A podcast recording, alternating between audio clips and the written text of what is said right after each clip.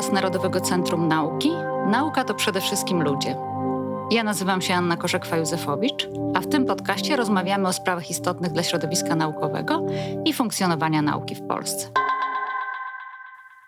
Dzisiejsza rozmowa będzie w formacie jeden na jeden. Moim gościem jest profesor Zbigniew Błocki, matematyk, pracownik Uniwersytetu Jagiellońskiego.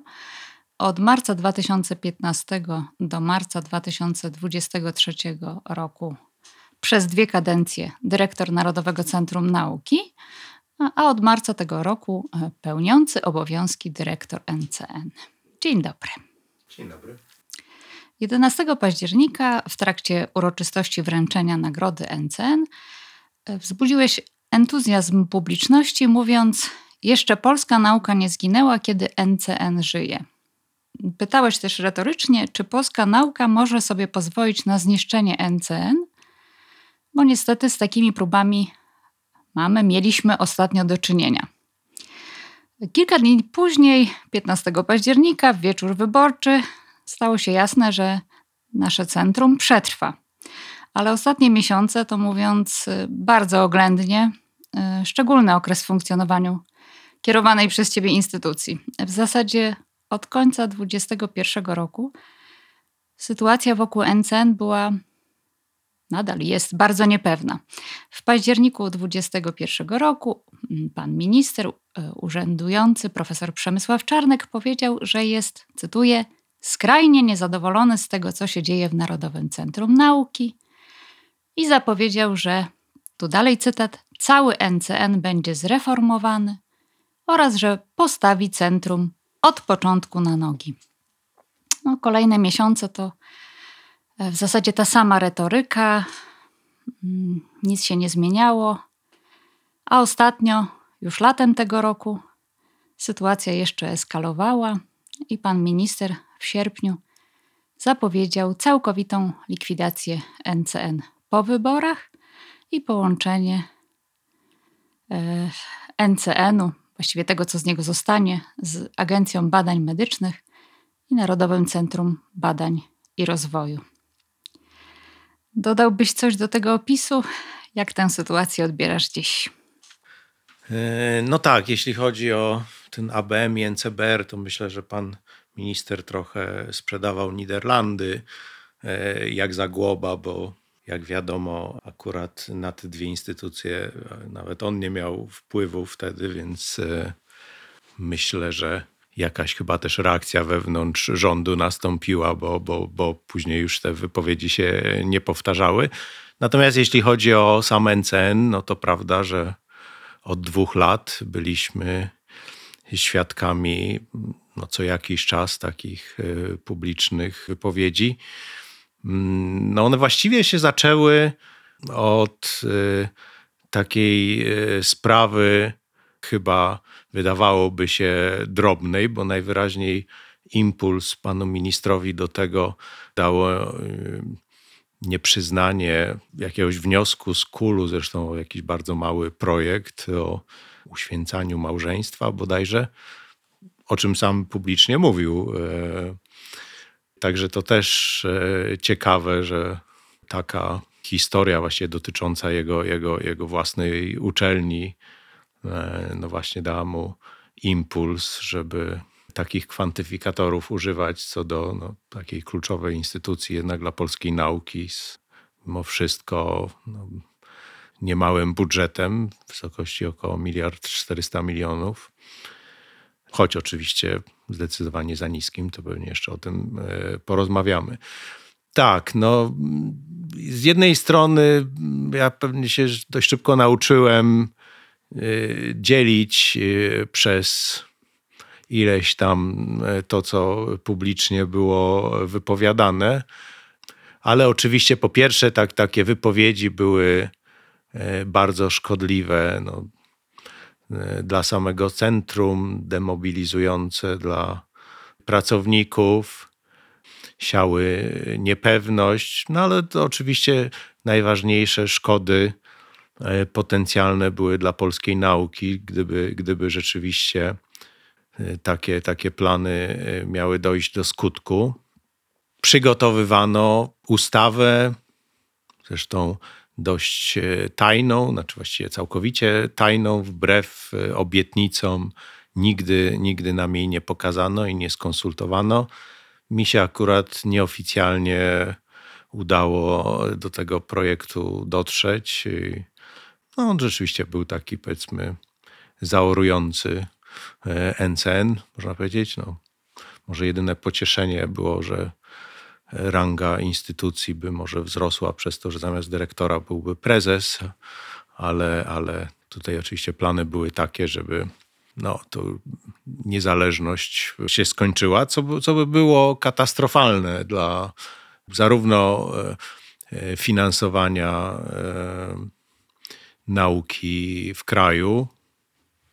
No to nie jest przypadek, że w cywilizowanych krajach no to nie, nie politycy decydują, które, które konkretnie projekty są finansowane, tylko no eksperci. Ostatecznym pretekstem do likwidacji NCN-u miał być yy, grant, który NCN przyznał, właściwie eksperci NCN-u, na badania dotyczące seksualności, transkobiecości i BDSM. Tak, no to już był taki ostatni epizod w tej, w tej całej historii. Ta sprawa rzeczywiście przetoczyła się w mediach. Ona, ona zresztą, y, co ciekawe, dość dużym echem się też odbiła za granicą, bo znowu to, to tam jest nie do pomyślenia, żeby minister czy, czy, czy, czy jakikolwiek polityk e, w taki sposób e, ingerował e, w tematykę badań. No i też wiemy, że w krajach powiedzmy liberalnej demokracji to jest dopuszczalne, że pewne nawet dla niektórych bardzo kontrowersyjne badania e, mają miejsce. No, wyjaśniliśmy panu ministrowi, jak cały ten proces wygląda i, i, i jakie tu są zasady i dlaczego to jest też ważne, żeby taka, takie, takie możliwości w systemie było. Zresztą... To może wyjaśnij też naszym słuchaczom. Tak. Przypuszczam, że mhm. większość z nich doskonale się orientuje, e, jak ten proces wygląda, ale możesz tutaj e, powtórzyć to, co napisałeś panu ministrowi. Tak, no oczywiście w, w, w granicach pe pewnych spraw, które już zostaną bardziej poufne, ale, ale tak, no, w szczególności decydują e, o tym, które projekty są finansowane eksperci. No i to po to jest tak skonstruowane, żeby te decyzje nie należały do polityków, czy nawet urzędników, takich jak ja, no tylko eksperci w niezawisłych decyzjach takie e, badania e, mają możliwości finansowania. No, co ciekawe, no myśmy w historii NCN-u różne kontrowersyjne e, badania finansowali. Często się na przykład głosy oburzenia odzywały, jak przyznawaliśmy granty na badania nad Holokaustem, ale mogę powiedzieć, to właściwie jest już ironia, że kilka dni temu na przykład dostaliśmy prośbę z ministerstwa o to, żeby im taki wykaz e, właśnie badań nad Holokaustem przez nas finansowanych przesłać bo jeden z wiceministrów się do Wielkiej Brytanii udaje i, i e, tam mu te informacje były do tego potrzebne. Tak, a wracając jeszcze, jeśli można jeszcze tylko do tej historii z y, ustawą, to no też y, bardzo dużym zagrożeniem, jeśli chodzi, gdyby, gdyby NCN utracił niezależność, była współpraca międzynarodowa gdzie to jest absolutny standard, że takie instytucje jak NCN są niezależne od rządu. E, w takim sensie właśnie, że, że to nie czynnik polityczny decyduje o tym, jakie projekty są finansowane. NCN w bardzo dużym e, stopniu współpracuje z zagranicą, w szczególności też koordynuje dwie duże sieci europejskie, co z tego co wiem jest jedynym takim przypadkiem, jeśli chodzi o kraje tak zwanych nowych członków Unii Europejskiej. E, I to naprawdę by było zagrożone, i z tego co wiem, ta decyzja, no mogę powiedzieć, e, która z kancelarii premiera, w kancelarii premiera ostatecznie została podjęta też po różnych zakulisowych działaniach z naszej strony. No, jednym z głównych powodów wstrzymania, polecenia wstrzymania prac nad nowelizacją ustawy NCN był właśnie sprawy współpracy międzynarodowej i możliwość pozyskiwania środków europejskich. Ale to też jeszcze, jed, jeśli mogę na jeszcze jedną rzecz dodać, że no oczywiście to były bardzo też trudne i, i, i nieprzyjemne czasy dla, dla NCN-u, ogólnie dla polskiej nauki, ale też no, jestem naprawdę zbudowany poparciem, które w tym czasie otrzymywaliśmy i dalej otrzymujemy. Z jednej strony trzeba powiedzieć, że NCN pewnie w, wśród wszystkich naukowców, tak statystycznie, może nie jest jakiś nadmiernie popularny, no jakby z natury rzeczy, bo nawet jakby współczynnik sukcesu wynosił te, te, te 20%, no to znaczy 80% y, aplikujących grantów nie dostawało. Ale naprawdę te oddolne akcje, z którymi nie mieliśmy osobiście nic wspólnego, jeśli chodzi o jakieś inicjowanie ich, e, proszę mi wierzyć, listy poparcia, e, laureatów grantów ERC, e, nagród FNP, paszportów polityki, stypendystów, e, stypendystów laureatów L'Oreal, stypendystów ministra. No i organizacji międzynarodowych. Organizacji międzynarodowych również, Science Europe, e, taki mocny komunikat też wydało. Tak, także to, to było budujące, jednak pokazujące, że mimo różnych e, głosów krytyki, o których zwykle słyszymy, jeśli chodzi o działalność NCN-u, no, między innymi z tych powodów, o których już mówiłem wcześniej, to jednak y, zbudował sobie NCN wśród takich najbardziej aktywnych, międzynarod współpracujących międzynarodo-polskich naukowców i również za granicą no bardzo, bardzo duży respekt i poparcie. E, no dobrze, niezależność NCN-u nie jest zagrożona, takie przyjęłam założenie ale przecież nikt z przedstawicieli nowej władzy się z nami nie kontaktował. Nie znamy nazwiska nowego ministra czy ministry, może to nadmierne założenie. Nie, no myślę, że ja tu nie widzę zagrożeń jeśli chodzi, tego typu, jeśli chodzi o niezależność. Pytanie raczej będzie, jakie będą priorytety nowego rządu, również w nauce. I, i tutaj, no właśnie, no, na przykład, jak będą wyglądać kwestie budżetu, czy ten najbardziej palący problem, czyli to, że nam ten współczynnik sukcesu, widzimy już, że w tym konkursie, e, który teraz mamy, e, on będzie około 10% lub nawet poniżej, no to, to, to już są w ogóle dramatyczne sytuacje, bo to jest niższy wskaźnik niż przy grantach ERC. Robi się właściwie całkowita loteria, więc no pierwszą e, decyzją, na którą oczekujemy, to jest no, zwiększenie budżetu na, na przyszły rok. Co i takie, takie plany już poczyniliśmy, jesteśmy do tego przygotowani. Tak naprawdę, można powiedzieć, się nastawiamy na to, że jednak ta, ta decyzja nastąpi. Pozwoli na zwiększenie tego e, współczynnika sukcesu w już trwającym konkursie no nawet e, pod 20%. Już przygotowujemy takie listy rezerwowe i osoby, które się na nich znajdą, no to e, czy projekty otrzymają, czy nie, to właśnie będzie zależeć od tego. Żebyśmy tak to jeszcze uporządkowali. Czyli spodziewamy się, że w grudniu współczynniki sukcesu będą na poziomie mm, 10. 10% może jednocyfrowym, prawda? Mhm. E, taki komunikat też poszedł już do środowiska akademickiego, żeby no, wszyscy byli przygotowani, co nas czeka. Ale czynimy starania, żeby ten stan się jednak jeszcze zmienił. I, i jakie tutaj właśnie y, działania, wyobrażasz sobie, można podejmować zarówno w tym wewnętrznym, organizacyjnym życiu, jak i w relacjach z władzami publicznymi?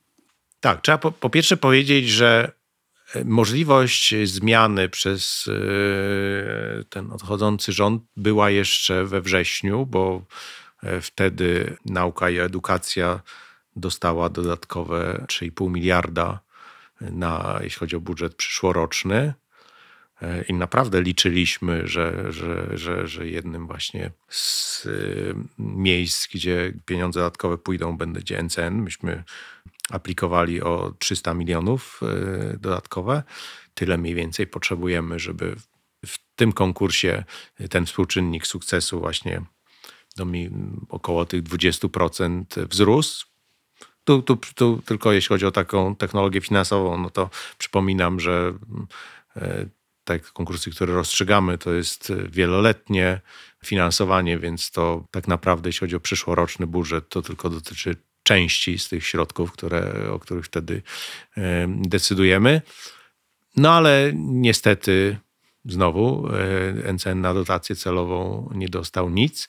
Natomiast no, jestem przekonany, że ten budżet to jest na razie tylko projekt. Nowy rząd e, jeszcze do niego zajrzy i coś tam podzmienia. I jeśli chodzi o budżet nauki, absolutnie priorytetem moim zdaniem będzie dodanie tych 300 milionów dla NCN-u co jak mówię, no w szczególności pozwoli na, na, na to wyraźne zwiększenie współczynnika sukcesu w już trwającym konkursie. Myślę, że tam będzie z czego zabierać. To już będzie rola nowego ministra czy pani minister. Ale jednocześnie właśnie powiedziałeś o liście rezerwowej. To znaczy, przygotowujemy się w tej chwili do rozstrzygnięcia tego konkursu i powstanie lista osób rezerwowych, znaczy projektów rezerwowych? Tak, to znaczy no, robimy coś takiego pierwszy raz tak naprawdę, ale robimy to dlatego, że liczymy się z taką możliwością, że taka sytuacja e, zaistnieje. Prawdę mówiąc, no, e, mamy nadzieję, że to rzeczywiście się stanie, więc będzie duża e, grupa projektów, które no, formalnie decyzja w grudniu będzie negatywna, ale no, taką informację też otrzymają, że jeżeli, jeżeli budżet NCN-u zostanie e, zwiększony, nie wiem, zakładam styczeń, e, no bo wtedy ten budżet właściwie musi się zamknąć, najpóźniej luty, no to wtedy te decyzje zostaną zmienione i, i, i, i tym projektom zostanie przyznane finansowanie. Tak, na, na takie rozwiązanie jesteśmy gotowi. Czyli każdy taki kierownik projektu z listy rezerwowej sam dostanie też ten taki komunikat, że jego projekt jest dobry i dostanie finansowanie, jeśli budżet zostanie zwiększony. Taki tak? mamy zamiar, tak, mhm. to, żeby, żeby te osoby tę informację otrzymały. Problem niskiego finansowania e, to jest e, taki problem, o którym w sumie mówimy, alarmujemy od y, wielu miesięcy. Mm, dotyczy to, to niskie finansowanie przede wszystkim dotacji celowej, czyli właśnie na finansowanie badań naukowych, ale NCN to też cały system oceny wniosków, eksperci, no, funkcjonowanie instytucji.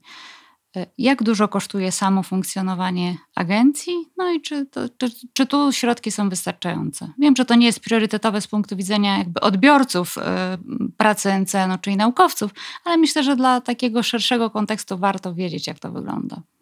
Tak, oczywiście no, generalnie NCN w porównaniu do środków, które wydaje, jest bardzo tani. No, nasza dotacja podmiotowa E, to jest około 40 milionów e, złotych do e, budżetu w wysokości miliard 400, no to, to na pewno nie jest dużo. Ona generalnie, jeśli chodzi o całość dotacji podmiotowej, to z tym był mniejszy problem, chociaż no, zdarzały się różne zawirowania.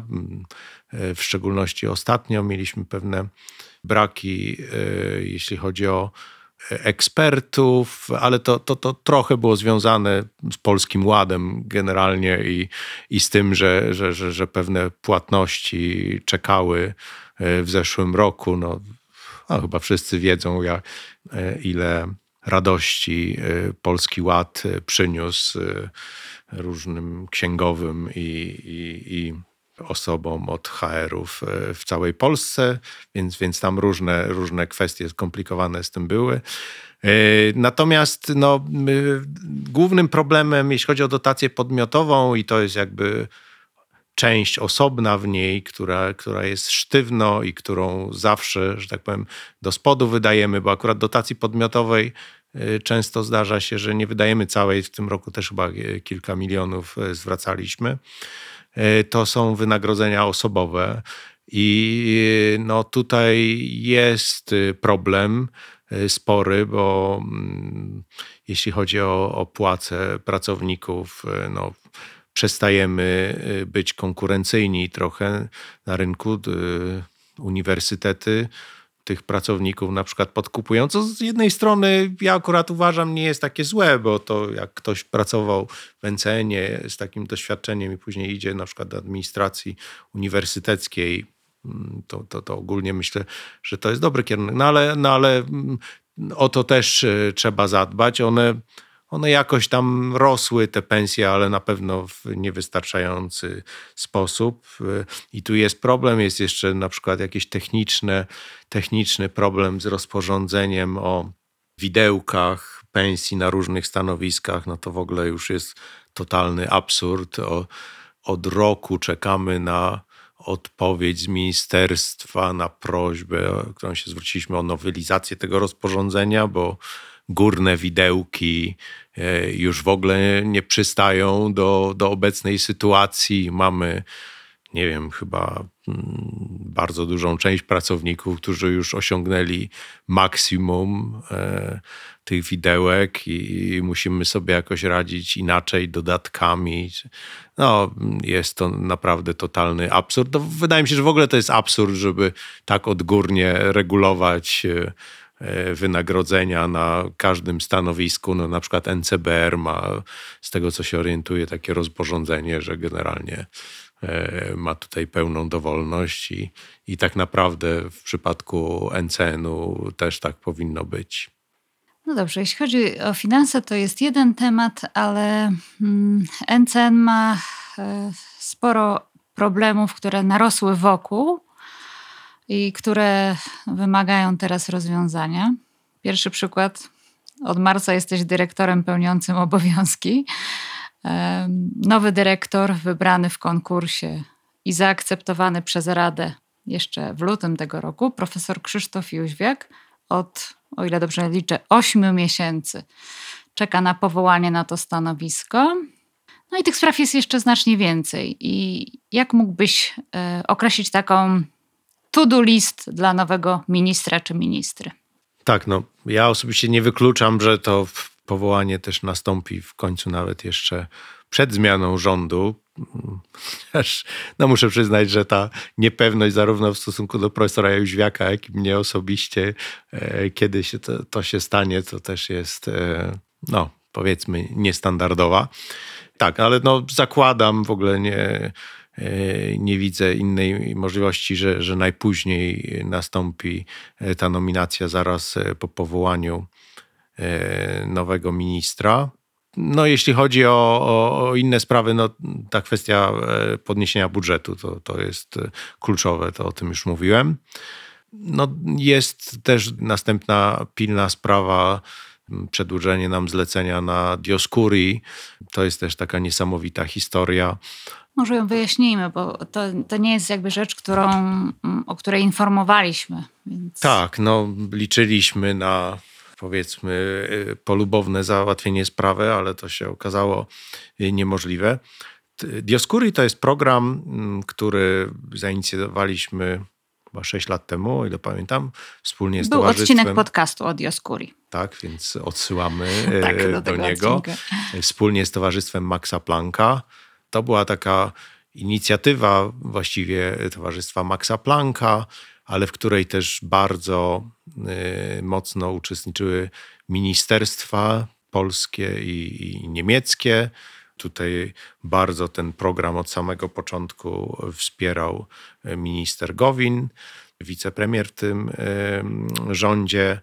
No, jednym z inicjatorów był również e, Maciej Żylicz, e, prezes Fundacji na Rzecz Nauki Polskiej, zresztą do tej pory e, z programem związany. I to była ogromna, i dalej jest, ogromna szansa dla polskiej nauki. Współpraca z tak prestiżowym, jedną z, z najważniejszych organizacji naukowych na świecie, dziesiątki noblistów, e, wspaniali naukowcy. To jest ogromna e, szansa dla polskiej nauki. Przede wszystkim na przyciągnięcie bardzo dobrych naukowców do Polski. To, to, to jest tak naprawdę coś, czego polskiej nauce naj, najbardziej brakuje. Program zakładał stworzenie dziesięciu centrów doskonałości w polskich uniwersytetach i instytutach. Udało się wyłonić osiem takich centrów i one już wszystkie działają. Niektóre... Dodajmy, że ich liderami są e, polscy naukowcy, którzy przez lata pracowali w e, dobrych ośrodkach zagranicznych i teraz otworzyli te centra w polskich jednostkach tak, badawczych. Wrócili do Polski po wielu latach. Program, żeby było jasne, był otwarty dla wszystkich, tak, także dla cudzoziemców, ale także dla. Nie, nie było takiego formalnego wymogu, że ktoś musi wrócić za, granicą, za granicę. Ale rzeczywiście tak się stało, że wszyscy ci, którzy e, te, te, te, tych osi, ośmiu liderów, którzy do tej pory no, wygrali te konkursy, to są e, Polacy wracający po wielu latach z zagranicy. A no, mówimy od lat e, o tym rzeczywistym problemie drenażu mózgów, więc naprawdę w szczególności był to program, który w jakimś stopniu E, temu trendowi przeciwdziałał. W dodatku jeszcze w połowie finansowany przez Niemców, bo. E, I miało powstać 10 centrów, powstało 8. Tak, no do tego, żeby te ostatnie dwa wyłonić. Plany były, że to było w tym roku, ten konkurs się odbył. Potrzebowaliśmy zlecenia, przedłużenia zlecenia z ministerstwa to jest e, jakiś taki formalny. Prawdę mówiąc, dokument, wszyscy tak? bylibyśmy przekonani, że to jest czysta formalność. No, korzyści są tak oczywiste i zarówno no, przede wszystkim te, te merytoryczne, jak i na, nawet finansowe. Ale tak, no już dość dziwne było, że przez wiele miesięcy żadnej odpowiedzi nie dostawaliśmy. Później już zaczęliśmy monitorować. No i tak gdzieś po 10 miesiącach w końcu przyszła chyba właściwie jednozdaniowa odpowiedź, że minister się nie zgadza na to.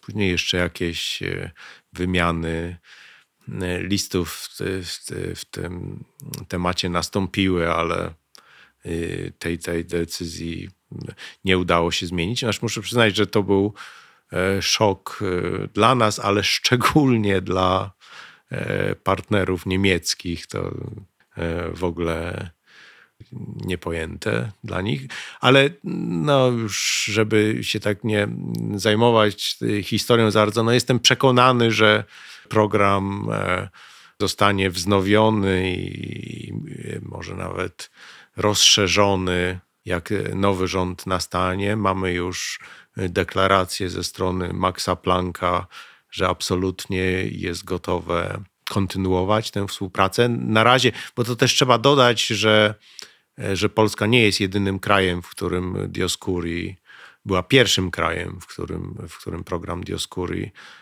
ma miejsce, natomiast teraz już się odbywa druga edycja w Czechach. Wiem, że e, plany były też, jeśli chodzi o Węgry. E, także no można powiedzieć, że tutaj nawet e, nie wiem, czy to tak nazywać konkurencja, ale jest to program szerszy niż tylko dla Polski. Także jest, no, wydaje mi się, kluczowe, żeby ten program wznowić. Jeszcze raz powtarzam, współpraca z taką instytucją jak Towarzystwo Maxa Plancka to jest ogromna szansa dla polskiej nauki i tego nie można zmarnować.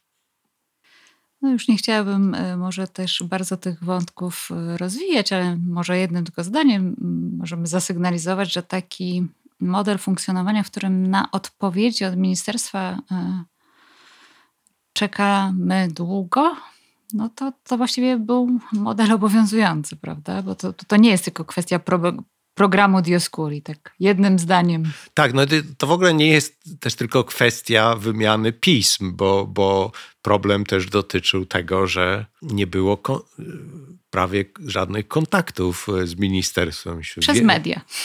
No tak, y, tylko takie. Myśmy wielokrotnie prosili o spotkanie. Mi w ciągu tych trzech lat urzędowania raz doszło do spotkania E, osobistego mojego z panem ministrem. To jeszcze było zanim, e, no w cudzysłowie, ta wojna została wypowiedziana.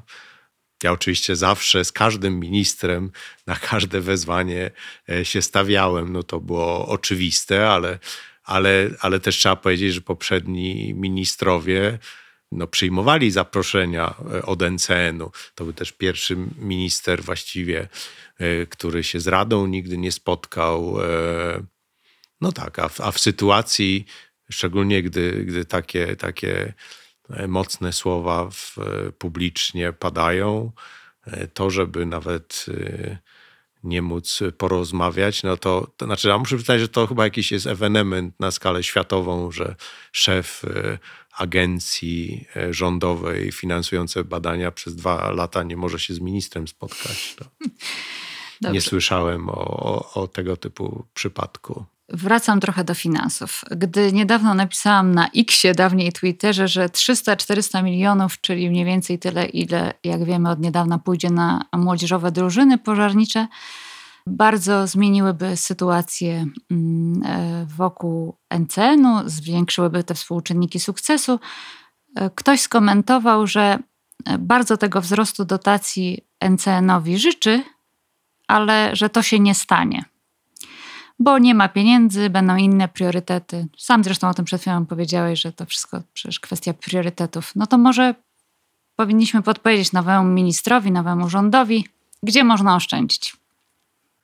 Tak, no oczywiście ja nie jestem e, wielkim specjalistą, e, jeśli chodzi o budżet, ale już jakieś takie pierwszy rzut oka na te zaplanowane wydatki, szczególnie te dodatkowe, no pokazuje, że tam pewnie będą e, możliwe cięcia. No tutaj przede wszystkim przychodzi do głowy no, różne, różne pomysły niedawne. No, nawet, nawet nie wiem dokładnie w jakiej pozycji budżetu te młodzieżowe e, drużyny tak, strażackie czy zawody tak, strażackie zostały E, zaplanowane i jak to się ma na, tak naprawdę do edukacji i nauki.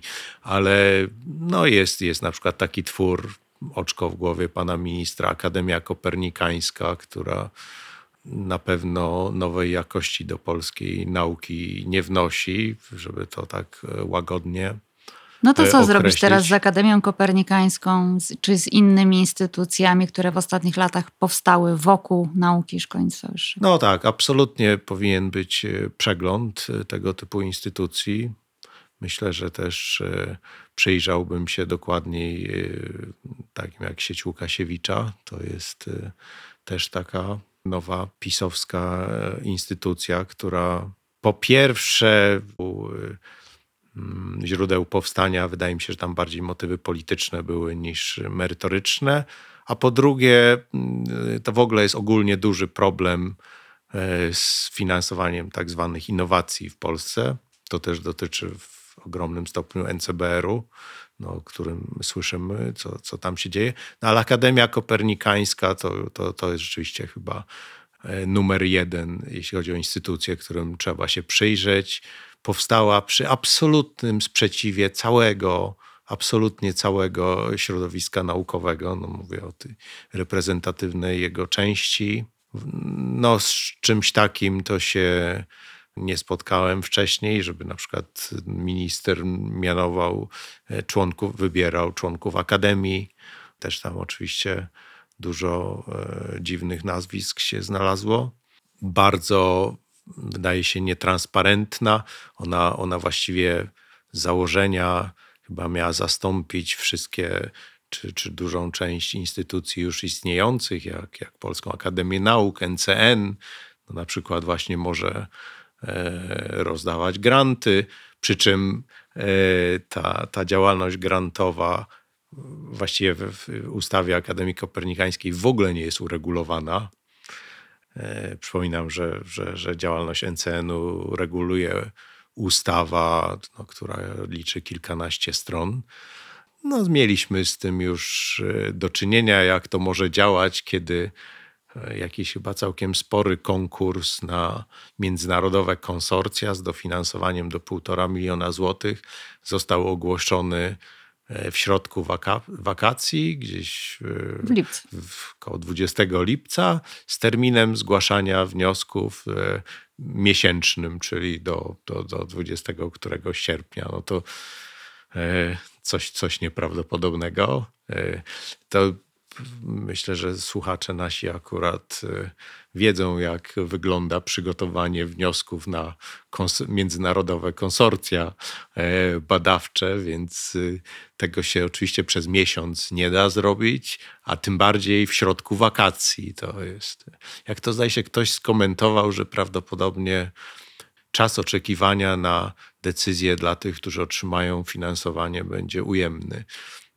No dobrze, mamy też jeszcze takie programy ministra typu Narodowy Program Rozwoju Humanistyki.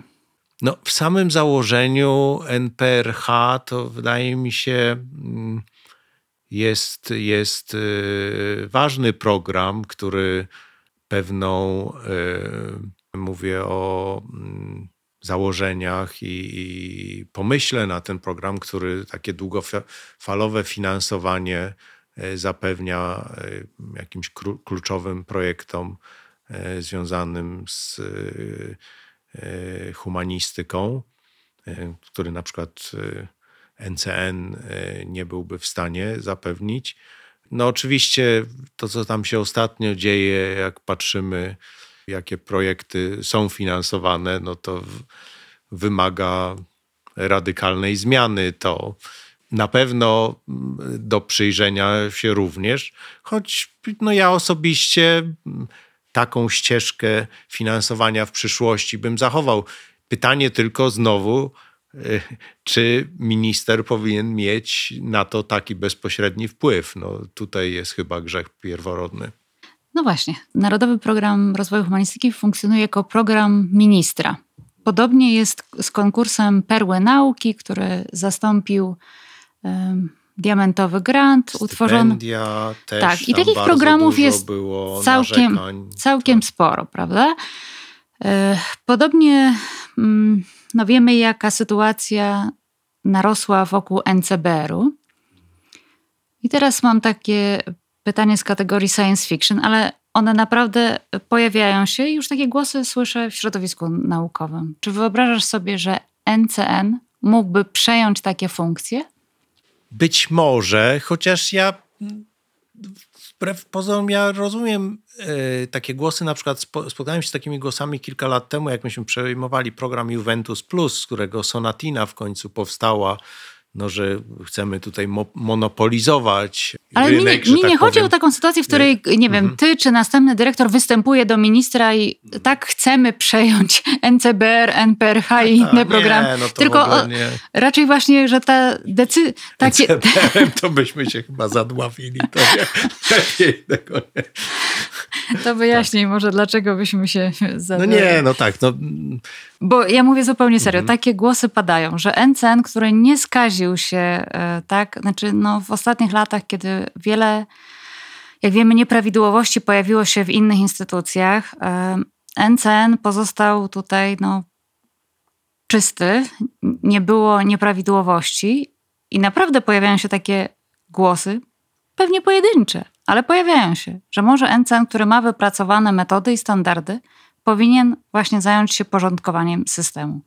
Ja po części się z tym zgadzam. Znaczy, po pierwsze, zgadzam się z tym, że, że, że tutaj NCN się wyróżnia tym, że nigdy żadnych afer tego typu nie było, nawet nigdy, nie wiem, no dzięki temu, że taka ustawa było, nie dało się nie wiem, kolegów ministra e, na, na szefów instytucji mianować.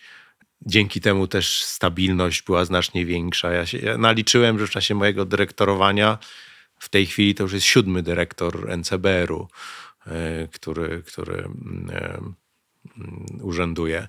Więc generalnie tak, ja się zgadzam, że NCN powinien w przyszłości przejąć pewne rzeczy, zakładając oczywiście, że, że finansowanie mm,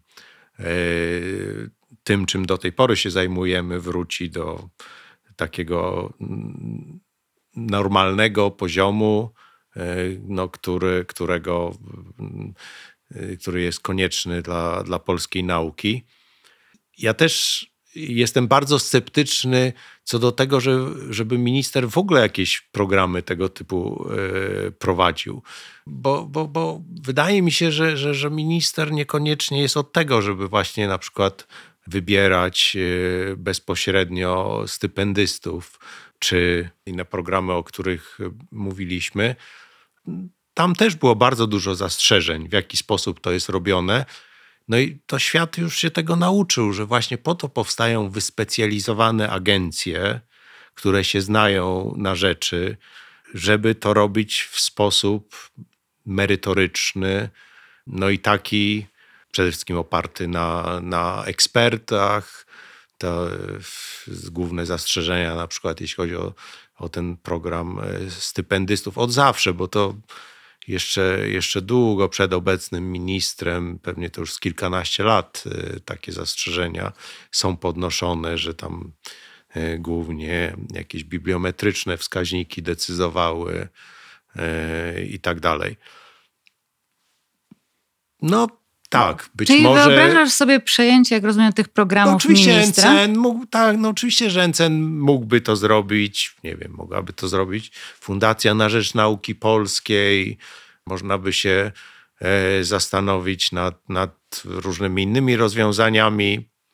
Ja trochę ten argument też rozumiem, żeby e, powiedzmy nadmiernego monopolu NCN-u w tym zakresie nie było. Natomiast jeśli chodzi o jakieś nowe rzeczy, oprócz tego, co NCN w tej chwili robi, to tak, znaczy ja bym raczej widział, jeśli chodzi o takie rozszerzanie działalności NCN-u, to osobiście bym wszedł na przykład w takim kierunku, żeby NCN się zajął ewaluacją w Polsce. E, to jest, to zupełnie leży. To znaczy, chyba doszliśmy już do takiego poziomu, e, to nigdy, to nigdy moim zdaniem nie działało dobrze, umówmy się.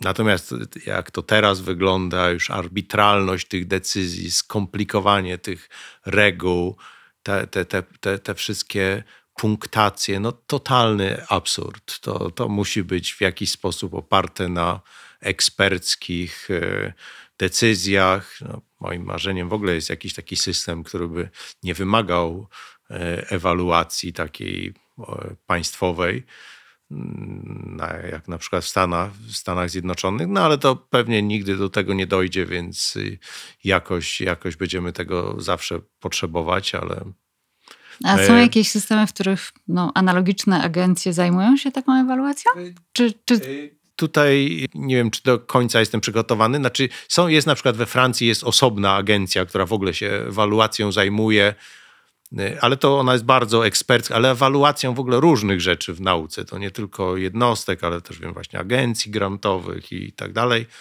Wydaje mi się, że DFG w Niemczech jakieś takie, taką rolę trochę pełni.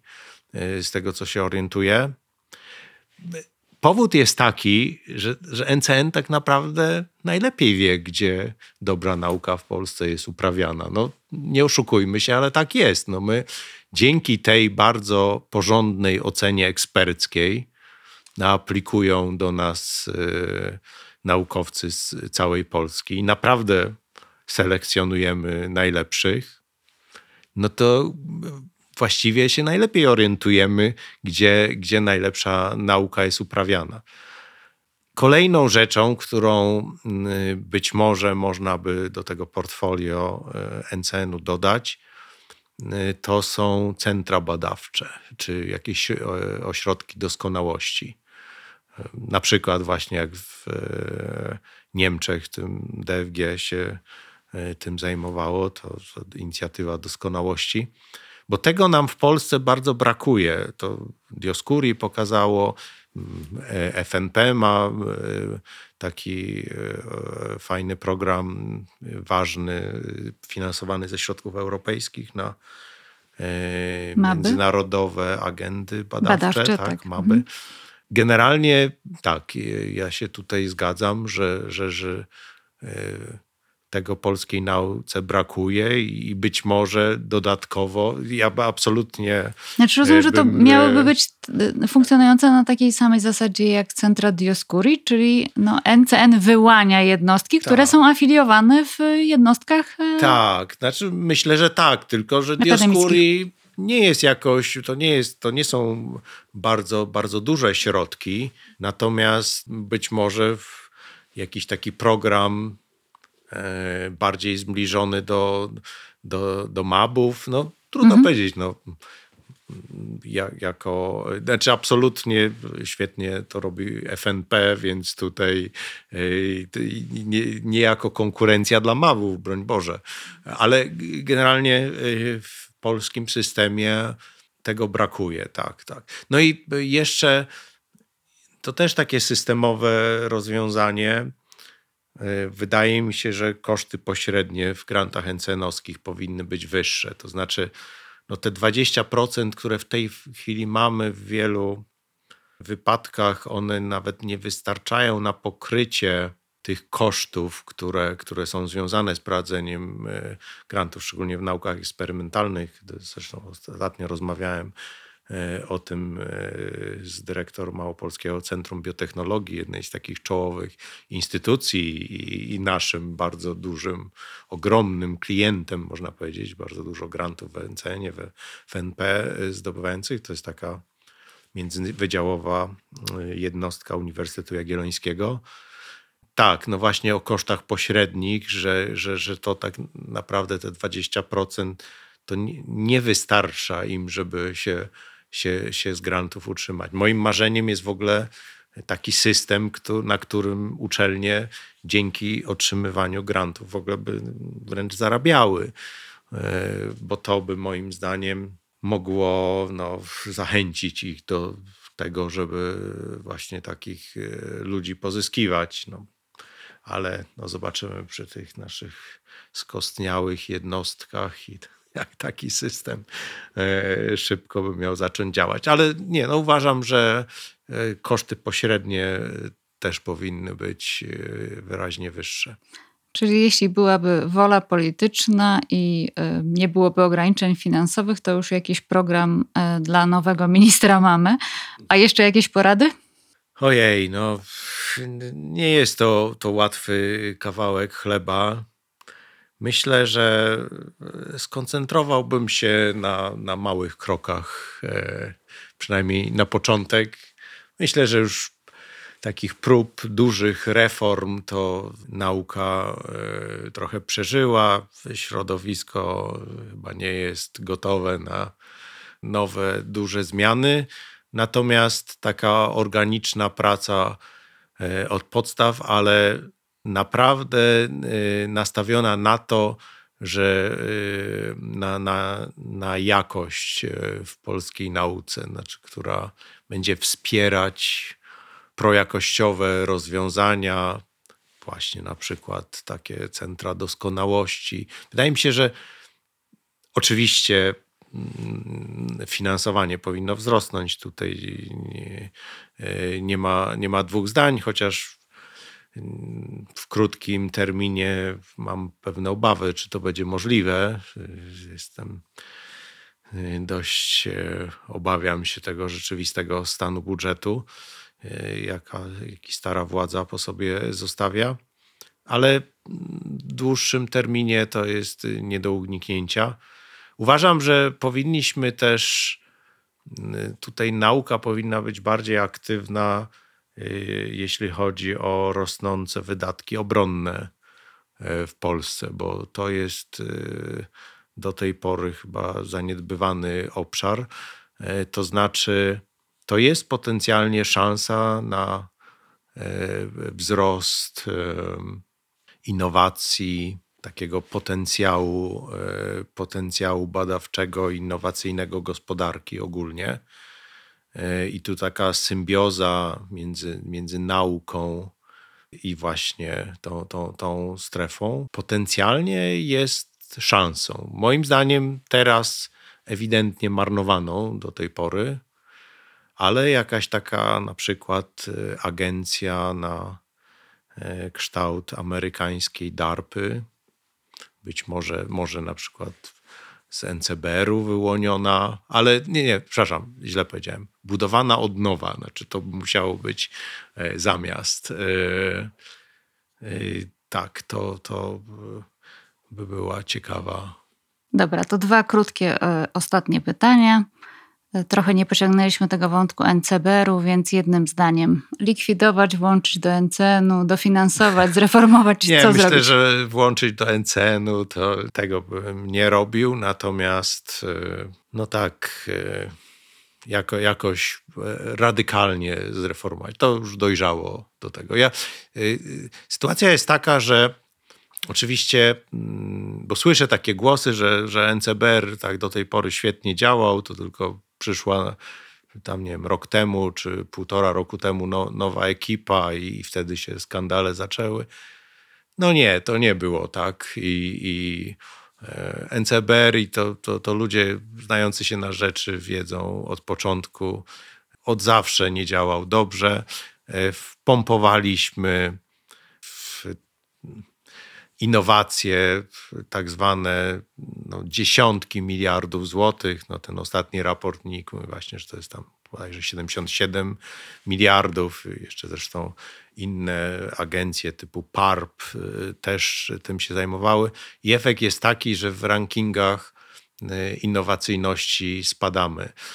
Wydaje mi się osobiście, że y, efekt dla gospodarki tego typu systemu w sumie on być może nawet jest ujemny, bo problem jest taki, że my staramy się wyręczać y, prywatny biznes jako taki państwowy venture capital i, i, i nasze firmy, startupy zamiast nad nastawianiem się na rzeczywiste, innowacyjne rozwiązania, które rynek kupi, to się bardziej na państwowe granty na, e, nastawiają. W dodatku, no to jak wiemy, to się w bardzo nieprzejrzysty sposób odbywa. I tu słychać znowu ostatnio, to chyba teraz PARP, jakieś, jakieś, jakieś tam biotechnologiczne e, na przykład dofinansowania, czy, czy znowu chyba jakieś takie folie, znowu te same nazwiska tam się przewijają od lat y, tacy krezusi jakieś o polskim unikornie, unikornie dalej, dalej e, daleko.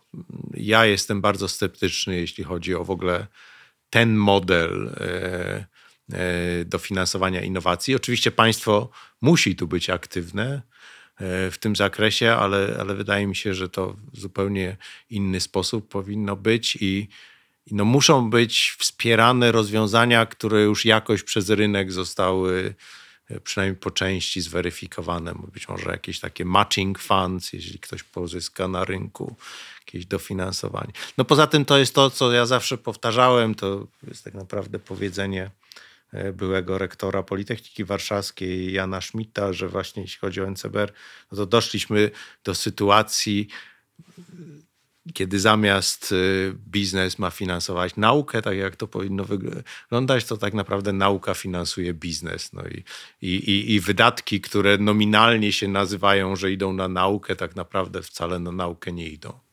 Ostatnie pytanie. Mm, jeden minister po wyborach, minister edukacji i nauki jak teraz, czy tak jak apelują przedstawiciele środowiska akademickiego, dwójka czy dwoje ministrów?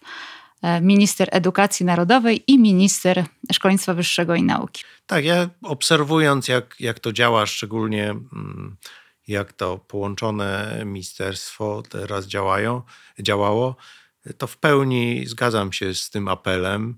E, moim zdaniem e, w polskich warunkach to jest dość sztuczne połączenie Wydaje mi się, że praktycznie zupełnie rozdzielone prace y, tych, tych dwóch części obecnego ministerstwa były. Poszczególne osoby tak się tak naprawdę zajmowały tylko jednym albo drugim. Nie widziałem tam e, synergii.